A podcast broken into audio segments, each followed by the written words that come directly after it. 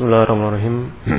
Innal hamdalillah nahmaduhu ta'ala wa nasta'inuhu wa nastaghfiruh wa na'udzu billahi min shururi anfusina wa sayyiati a'malina man yahdihillahu fala mudhillalah wa man yudlilhu fala hadiyalah Ashhadu an la ilaha illallah wahdahu la sharika lah wa ashhadu anna Muhammadan 'abduhu wa rasuluh Ya ayyuhalladhina amanu taqullaha حق تقاته ولا تموتن إلا وأنتم مسلمون يا أيها الناس اتقوا ربكم الذي خلقكم من نفس واحدة وخلق منها زوجها وبث منهما رجالا كثيرا ونساء واتقوا الله الذي تساءلون به والأرحام إن الله كان عليكم ركيبا يا أيها الذين آمنوا اتقوا الله وقولوا قولا سديدا يصلح لكم أعمالكم ويغفر لكم ذنوبكم ومن يطع الله ورسوله فقد فاز فوزا عظيما.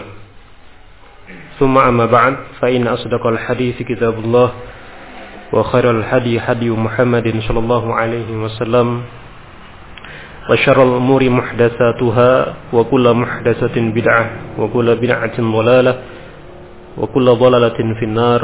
أعادني الله وإياكم من النار. Ma'asyarul ikhwah rahimani wa rahimakumullah.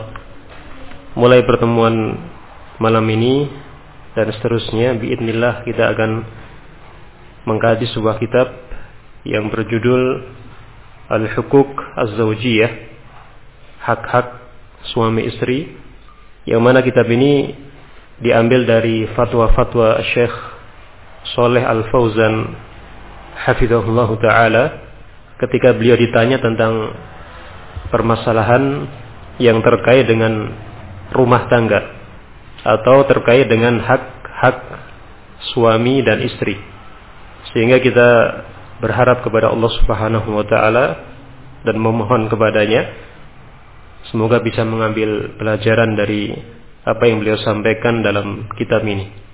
Kita mulai dari pertanyaan yang pertama. Seseorang bertanya kepada beliau hafizahullah mal wajibu ala kullin minaz zawjaini nahwal akhar?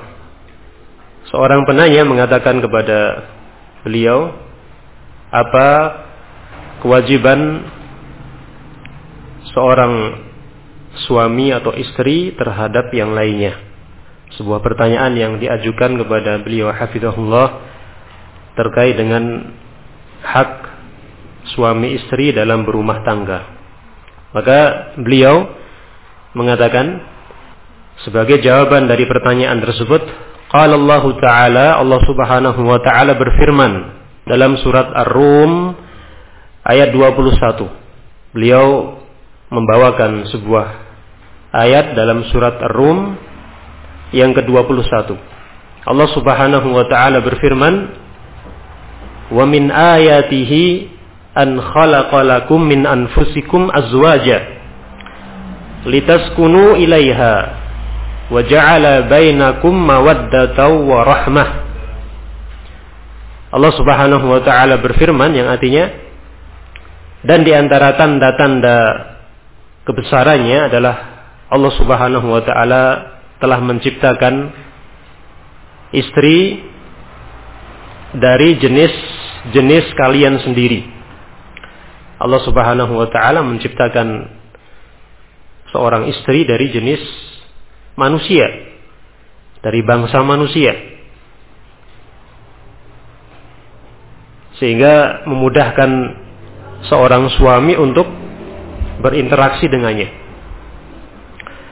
Dan ini merupakan sebuah nikmat yang telah Allah Subhanahu wa taala anugerahkan kepada kaum laki-laki tidak terbayangkan seandainya para istri tersebut berasal dari kalangan selain manusia.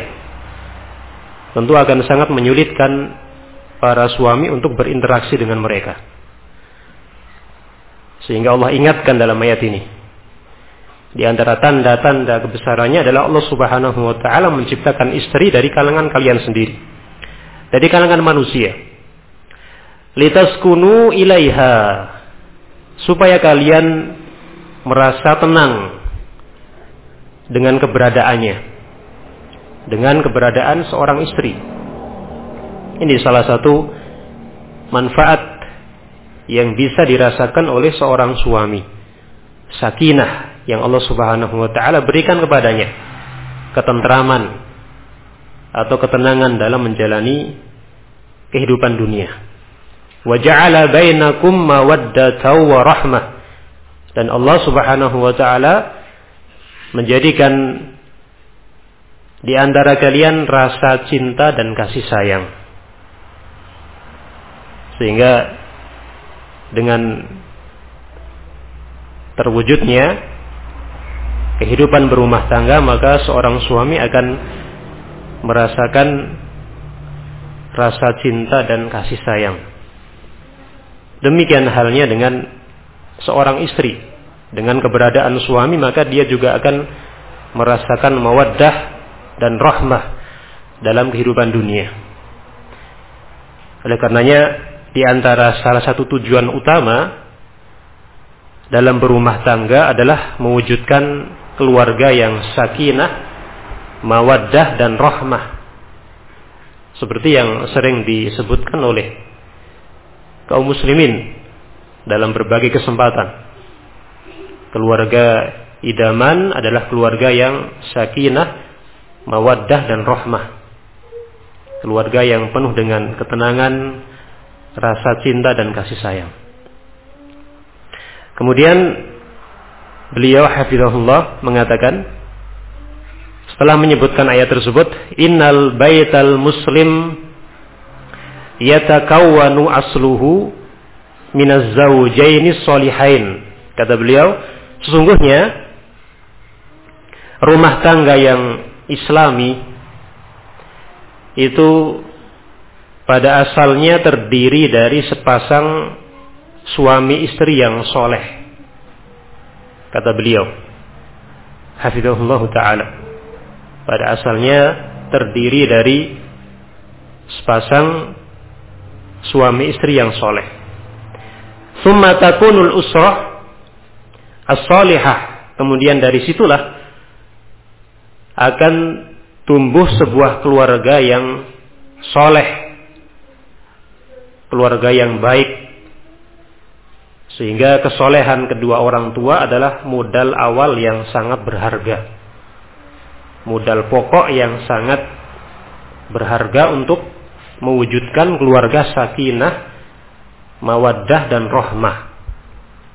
Beliau ingatkan di sini. Kesolehan kedua orang tua sangat besar pengaruhnya untuk membentuk keluarga yang solehah. Keluarga yang sakinah, mawaddah dan rahmah. Wahada la yatimmu illa idha tahaqqaqa husnul ishrah baina zawjain kata beliau dan keluarga yang soleh ini tidak akan sempurna tidak akan terwujud kecuali dengan adanya pergaulan yang baik antara suami istri. Kata beliau tidak akan terwujud, yang mustahil mewujudkan keluarga yang soleh, keluarga yang baik, kecuali dengan adanya pergaulan antara suami istri yang baik. Pergaulan yang baik, pergaulan yang islami antara kedua belah pihak. Nah, bagaimana caranya? Bagaimana cara mewujudkan pergaulan yang baik antara keduanya. Beliau jelaskan lebih lanjut bi an yu'addiya kullun minhuma ma yajibu alaihi nahwal akhar.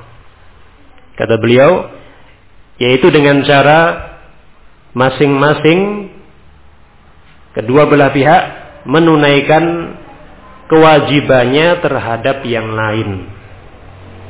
Masing-masing suami istri berusaha untuk menunaikan kewajibannya terhadap yang lain. Ini kunci mewujudkan keluarga yang sakinah, mawaddah dan rahmah.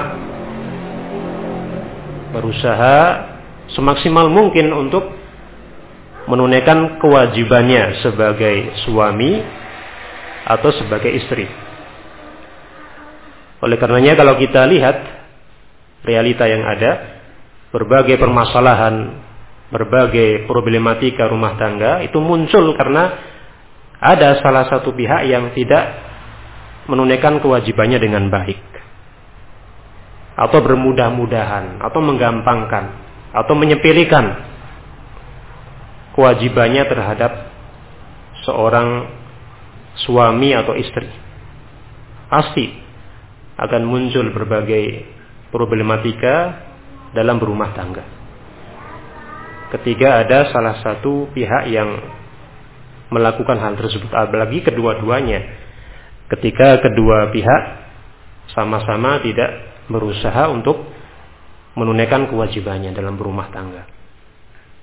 Maka sangat penting di sini bagi kaum muslimin untuk mengetahui apa saja hak-hak seorang suami atau istri dalam berumah tangga. Falizauj ala zaujatihi ta'ah bil ma'ruf. Maka kata beliau di antara kewajiban seorang istri terhadap suaminya at-ta'ah bil ma'ruf adalah taat patuh dalam perkara yang ma'ruf. Beliau mulai masuk kepada inti pembahasan. Yang pertama beliau sampaikan tentang kewajiban seorang istri dalam berumah tangga. Wajib bagi seorang istri untuk taat kepada suami dalam perkara yang ma'ruf. Dan kalau kita perhatikan ternyata sangat banyak dalil-dalil bahkan nas-nas yang menjelaskan tentang hal tersebut dalam Al-Quran maupun hadis tentang kewajiban seorang istri untuk taat kepada suaminya dalam perkara yang ma'ruf. Di antaranya Allah Subhanahu wa taala berfirman dalam surat An-Nisa ketika menjelaskan tentang kriteria wanita-wanita yang solehah Kata Allah Subhanahu wa taala, "Fas-solihatu qanitatun." Fas-solihat maka wanita-wanita yang solehah qanitatun kata Allah Subhanahu wa taala, qanitatun adalah para wanita yang taat. Taat kepada siapa? Dijelaskan oleh para ahli tafsir taat kepada Allah Subhanahu wa taala dan taat kepada suaminya. Muti'atun lillah walizaujiha kata para ulama ahli tafsir para wanita yang taat kepada Allah Subhanahu wa taala dan taat kepada suaminya dan Nabi alaihi wasallam juga telah memberikan penjelasan secara lebih terperinci dalam hadis-hadisnya Sampai-sampai beliau mengatakan lau kuntu amiron ahadan an yasjuda li ahadin la amartul mar'ata an tasjuda li zawjiha. Kata beliau sallallahu alaihi wasallam. Kalau seandainya aku boleh memerintahkan seseorang untuk sujud kepada manusia, maka pasti aku akan memerintahkan seorang istri untuk sujud kepada suaminya. Ya subhanallah. Padahal sujud adalah perkara yang diharamkan dalam agama Islam. Bahkan termasuk syirik akbar, syirik besar. Yang bisa mengeluarkan pelakunya dari agama Islam. Namun kalau seandainya diperbolehkan, Nabi Wasallam akan memerintahkan seorang istri untuk sujud kepada suaminya. Hanya satu pihak saja yang mendapatkan istimewaan tersebut Bukan sujudnya rakyat kepada penguasa, sujudnya budak kepada majikannya, sujudnya eh, anak kepada orang tuanya. Sama sekali tidak. Hanya satu pihak saja yang berhak untuk mendapatkan keistimewaan tersebut. Sujudnya seorang istri kepada suaminya. Ya, ini menggambarkan betapa besarnya hak seorang suami yang harus ditunaikan oleh istrinya. Sampai digambarkan seperti itu oleh Nabi Shallallahu Alaihi Wasallam. Dan juga beliau Shallallahu Alaihi Wasallam bersabda dalam sebuah hadis riwayat Ibnu Hibban dengan sanad yang sahih. Kata beliau Shallallahu Alaihi Wasallam "Idza sholatil mar'atu khamsaha wa shamat syahraha wa hasanat farjaha wa ata'at ba'laha dakhalat min ayyi abwabil jannati sya'at. Kata Nabi Shallallahu alaihi wasallam apabila seorang wanita melakukan sholat wajib lima waktu. Dia juga melakukan puasa Ramadan, menjaga kemaluannya, wa ato'at ba'laha dan mentaati suaminya, dakhalat min ayyi abwabil jannati sya'at. Maka dia akan masuk surga dari pintu mana pun dia kehendaki. Kata beliau Shallallahu Alaihi Wasallam.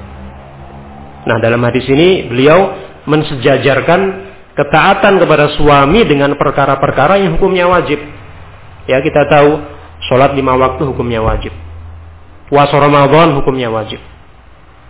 Menjaga kemaluan dari perkara-perkara yang haram juga hukumnya wajib. Nah, semua itu disejajarkan oleh beliau Shallallahu Alaihi Wasallam dengan ketaatan istri terhadap suaminya, sehingga menunjukkan bahwa ketaatan istri kepada suami hukumnya wajib, bukan sekedar perkara yang mubah atau bukan sekedar anjuran. Dan hadis tersebut memberikan faedah betapa pentingnya ketaatan istri kepada suaminya sebagai salah satu amalan yang bisa menghantarkan seorang istri kepada surga. Sehingga sikap istri terhadap suami sangat menentukan nasibnya di akhirat nanti.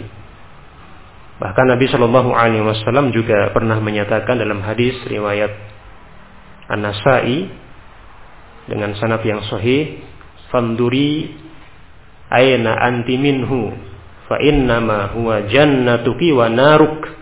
ketika Nabi Shallallahu Alaihi Wasallam berwasiat kepada seorang sahabat wanita dalam bermuamalah dengan suaminya. Kata Nabi Alaihi Wasallam fanduri ayna anti minhu.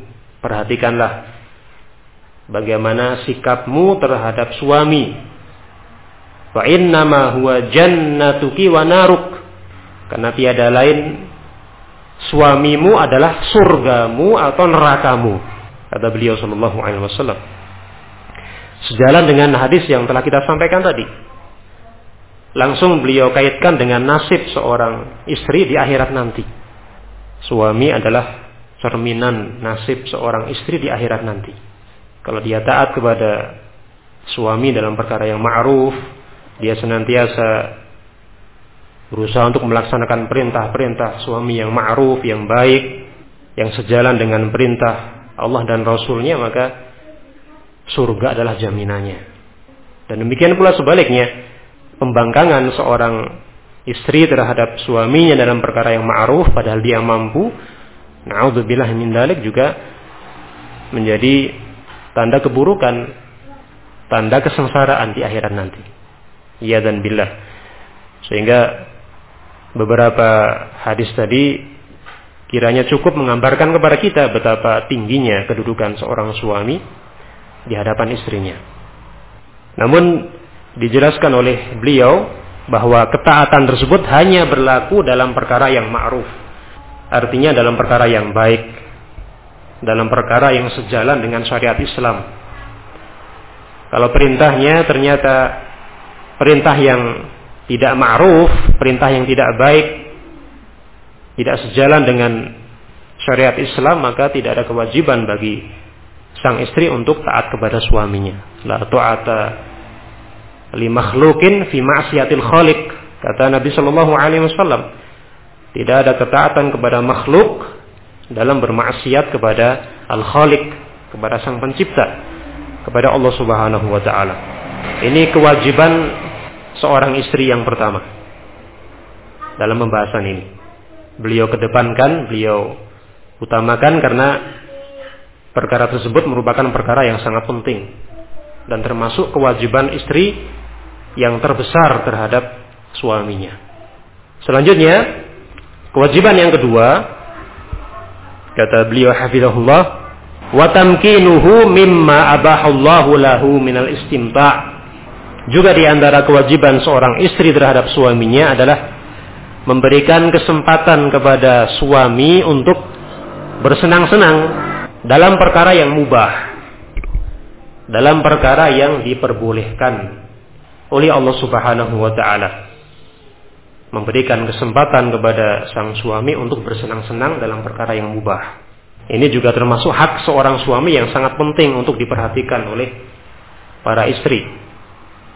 Sehingga Allah Subhanahu wa taala langsung menjelaskan hal tersebut dalam beberapa ayatnya. Di antaranya Allah Subhanahu wa taala berfirman dalam surat Al-Baqarah hunna libasul lakum wa antum libasul lahunna. Kata Allah Subhanahu wa taala, mereka para istri itu libasul lakum adalah pakaian bagi kalian. Wa antum libasul lahun, sebagaimana kalian juga pakaian bagi mereka.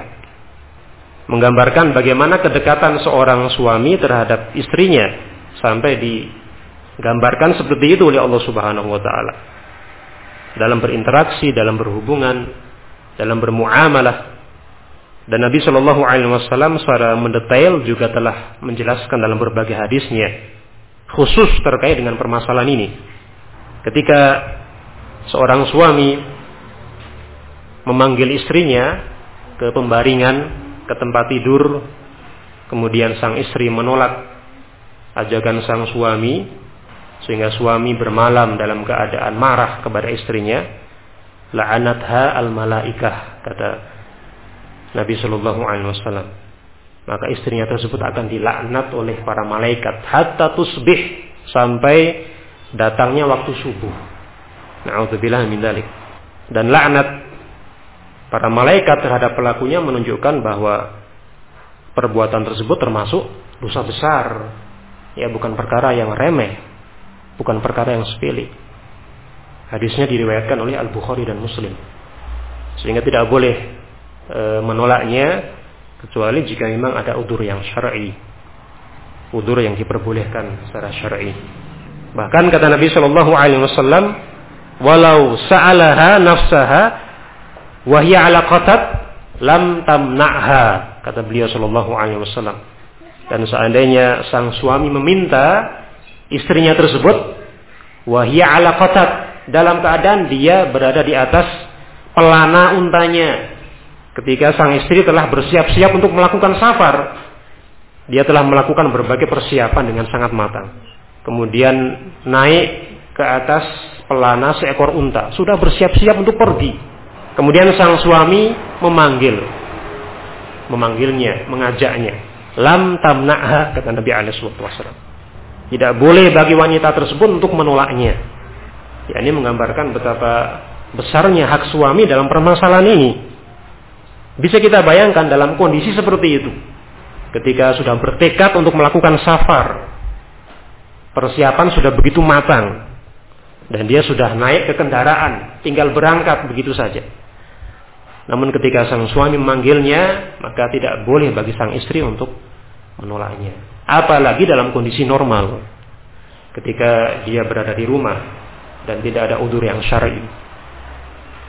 Sehingga Nabi Wasallam melarang seorang istri untuk melakukan puasa sunnah tanpa seizin suaminya.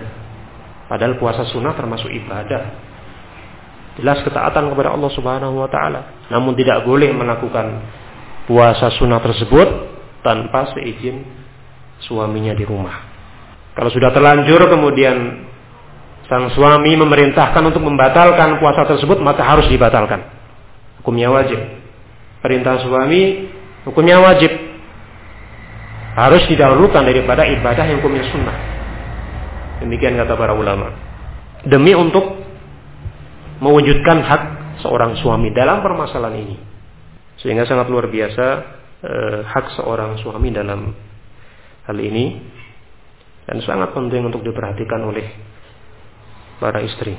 Baik, di sini masih ada beberapa hak dan kewajiban istri dan suami insyaallah uh, kita lanjutkan pada pertemuan berikutnya. Allah alam semoga ada manfaat. Assalamualaikum